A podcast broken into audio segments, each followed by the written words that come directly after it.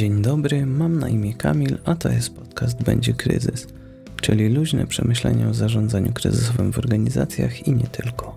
W dzisiejszym odcinku chciałbym poruszyć temat, który od jakiegoś czasu funkcjonuje w sferze publicznej. Konkretnie chodzi o sytuację w polskim sądownictwie. Jak zapewne wszystkim wiadomo, jest duże zamieszanie, pojawia się sporo sprzecznych informacji, różnych interpretacji rozmaitych orzeczeń. Ogólnie sytuacja jest mocno zmienna i mocno chaotyczna. Ze względu na moje wykształcenie mam swój pogląd na to, co się dzieje. Generalnie mój pogląd jest przede wszystkim taki, że chaos, który ma miejsce, nie służy nikomu. W samej analizie sytuacji chciałbym skupić się na trzech scenariuszach, oczywiście poza opisaniem sytuacji, która jest. Te scenariusze to po pierwsze inwestor zagraniczny rozważający inwestycje w Polsce, po drugie inwestor zagraniczny posiadający inwestycje w Polsce i trzeci scenariusz polska firma prowadząca działalność w Polsce. Część zagadnień się pokrywa, w związku z czym scenariusze będę omawiał wspólnie, jedynie podkreślając kwestie specyficzne dla różnych sytuacji. Jeszcze w ramach wprowadzenia chciałbym zacytować to, co sędzia Bartłomiej Przymusiński opisał w artykule dla magazynu WP, czyli opis aktualnej sytuacji prawnej, w jakiej jesteśmy. Uważam to za dobry opis tej sytuacji i takie wprowadzenie w temat, w związku z czym pozwolę sobie zacytować. W jakim punkcie jesteśmy po tych kilku latach prawnie?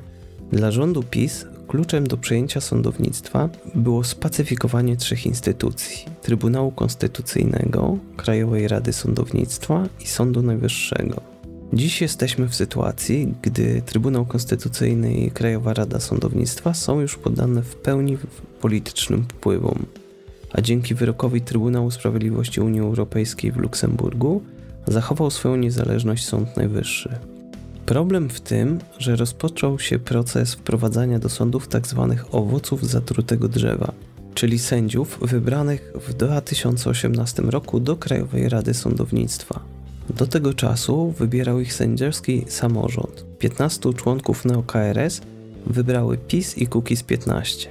Skutki były dwa. Pierwszy, taki, że sami sędziowie nagle zobaczyli, że w awansach przestały się liczyć kompetencje, a zaczęły znajomości i wierność właściwym politykom. Jak to wyglądało?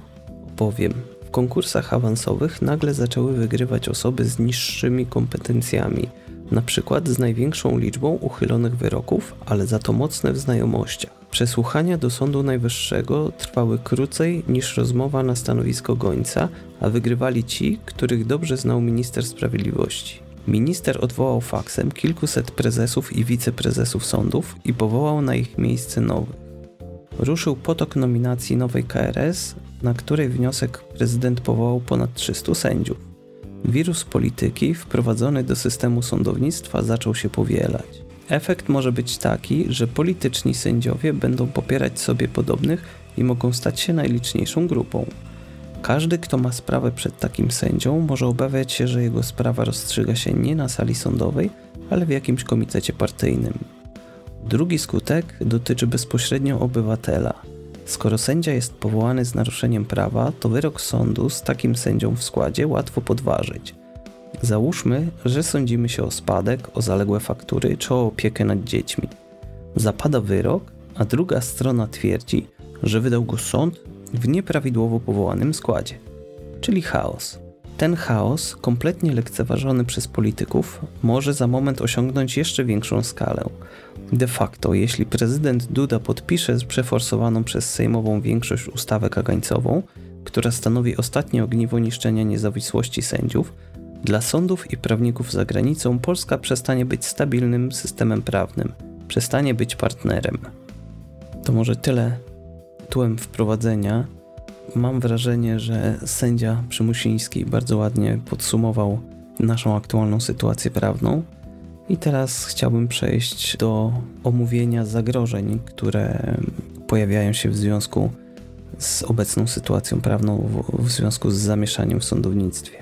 Pierwsze ryzyko ma związek um, z możliwością uchylenia wyroku ze względu na nieprawidłowe wybranie sądu czyli e, jest to zagadnienie związane z uchwałą Sądu Najwyższego wydaną przez e, połączony skład trzech izb. Kluczowe tutaj jest podejście do uchwały sędziów wybranych przez nową KRS.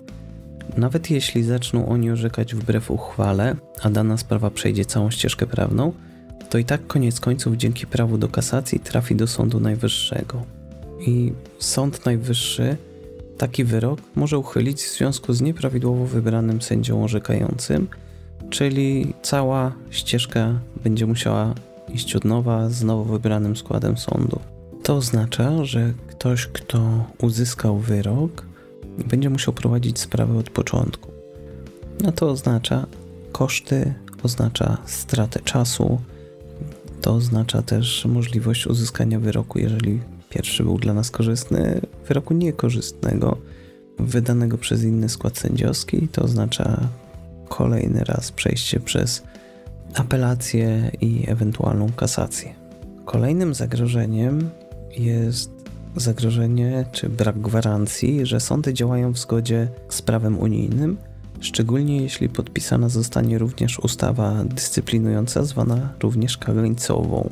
Będzie mogło istnieć podejrzenie braku niezawisłości sądu, ponieważ jeżeli ta ustawa wejdzie w życie, to mogą być sędziowie, którzy z obawy o potencjalne konsekwencje będą wydawali wyroki korzystne dla władzy czy podmiotów lub osób z władzą powiązanych. To może skutkować tym, że wyrok wydany w Polsce może nie być respektowany przez sądy zagraniczne. Prosty przykład, jeżeli firma sądzi się z firmą zagraniczną, która zalega z płatnością za wykonaną pracę i polski sąd zasądzi, że płatność nam się należy, adwokat firmy zagranicznej może zakwestionować ten wyrok, mówiąc, że wydał go sąd, który sam działa nielegalnie, ponieważ sędzia nie jest niezawisły.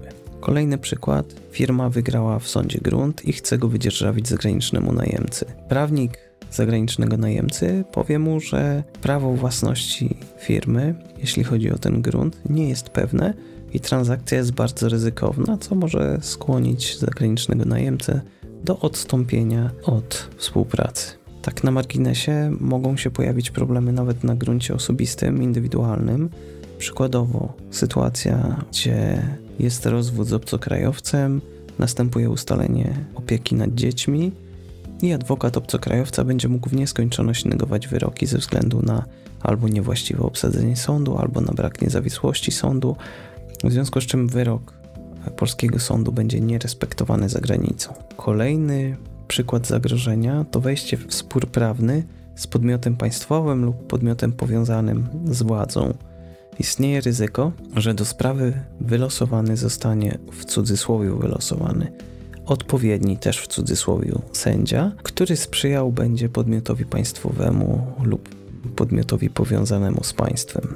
Wynika to z tego, że mechanizm losowego przypisywania spraw do sędziów wprowadzony przez Ministerstwo Sprawiedliwości nie jest znany, nie, nie wiadomo jaki jest to algorytm. Już w praktyce pojawiały się takie, nazwijmy to ciekawe przypadki, gdzie jeden sędzia był losowany do spraw jednej pani polityk i wydawał wyroki korzystne dla owej pani. Być może był to przypadek, nie do końca wiadomo, no ale ukrycie algorytmu, który losuje przydział spraw, nie pomaga rozwiać pojawiających się wątpliwości. Kolejny temat, kolejne zagrożenie to kwestia Izby Kontroli Nadzwyczajnej. Izba Kontroli Nadzwyczajnej i jej uprawnienia powodują, że nie można być pewnym wydanego wyroku. Nawet jeżeli ten wyrok przeszedł, jeżeli sprawa przeszła całą drogę odwoławczą, czyli był wyrok pierwszej instancji, drugiej instancji i kasacja w Sądzie Najwyższym. Wynika to z tego, że Izba Kontroli Nadzwyczajnej może po prostu stwierdzić nieważność takiego wyroku, co powoduje, że po raz kolejny trzeba będzie przejść przez całą ścieżkę instancyjną. Wspomniałem jeszcze o kwestii uchwały Sądu Najwyższego, niedawno wydanej. Formalnie ta uchwała, chociaż wpisana jako zasada prawna, nie jest wiążąca dla sądu. Jednak, jak pokazuje praktyka, sytuacje, w których orzeczenia są sprzeczne z zasadami prawnymi stworzonymi przez Sąd Najwyższy, są bardzo rzadkie. Co więcej, jeżeli sprawa, gdzie zapadło takie orzeczenie sprzeczne z tą zasadą prawną, trafi do Sądu Najwyższego, to istnieje bardzo duże prawdopodobieństwo, graniczące z pewnością, że wyrok w tej sprawie zostanie uchylony. Czyli wracając do tej konkretnej uchwały, jeżeli wyrok zostanie wydany przez skład sprzeczny z uchwałą Sądu Najwyższego, to ten wyrok będzie wzruszalny w cudzysłowie. Nie można być pewnym tego, że utrzyma się w obrocie prawnym.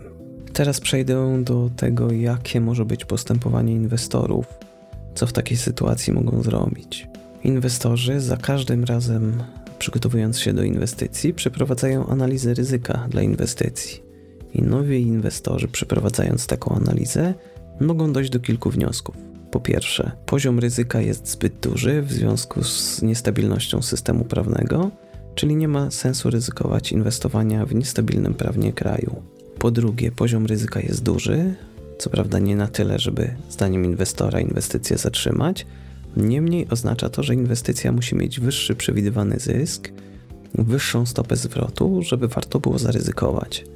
A to z kolei może przełożyć się na obniżanie przewidywanych kosztów, czyli chociażby na przykład na poziom oferowanych wynagrodzeń.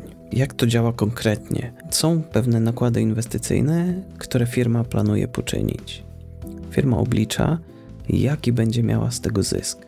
Przy tych obliczeniach należy wziąć pod uwagę w wycenie potencjalne ryzyka.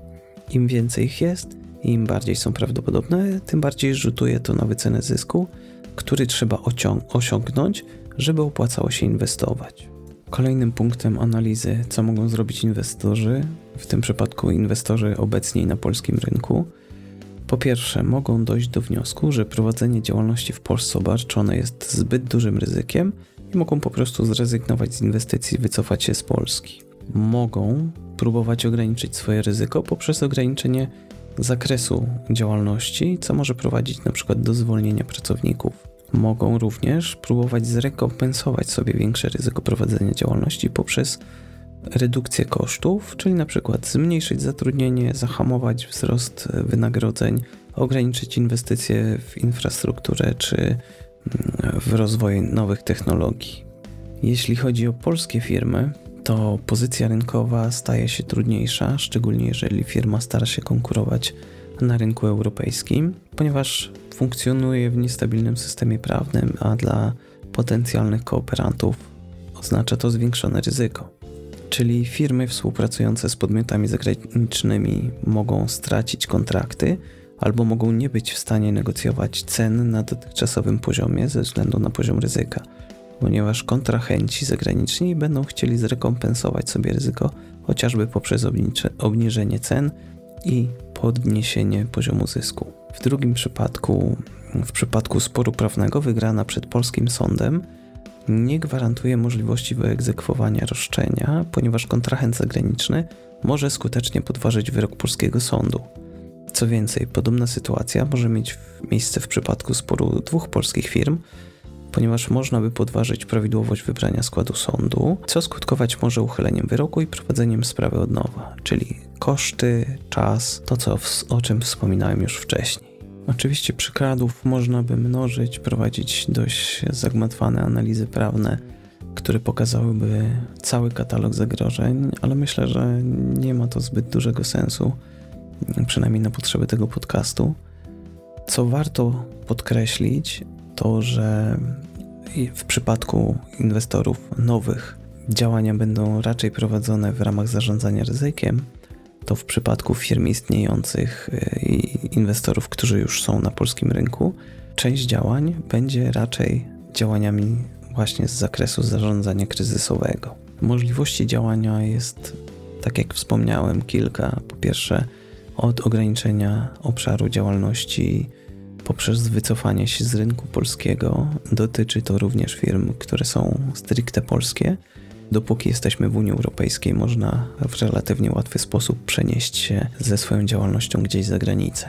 Oczywiście przeniesienie działalności za granicę może nie być łatwe, aczkolwiek analiza sytuacji może pokazać, że będzie to i tak korzystniejsze dla danego przedsiębiorstwa niż pozostanie na niestabilnym prawnie rynku. Myślę, że w tym momencie zatrzymam swoje rozważania. Myślę, że w pewien sposób przybliżyłem i zobrazowałem zagrożenia wynikające z chaosu prawnego, który aktualnie mamy w państwie.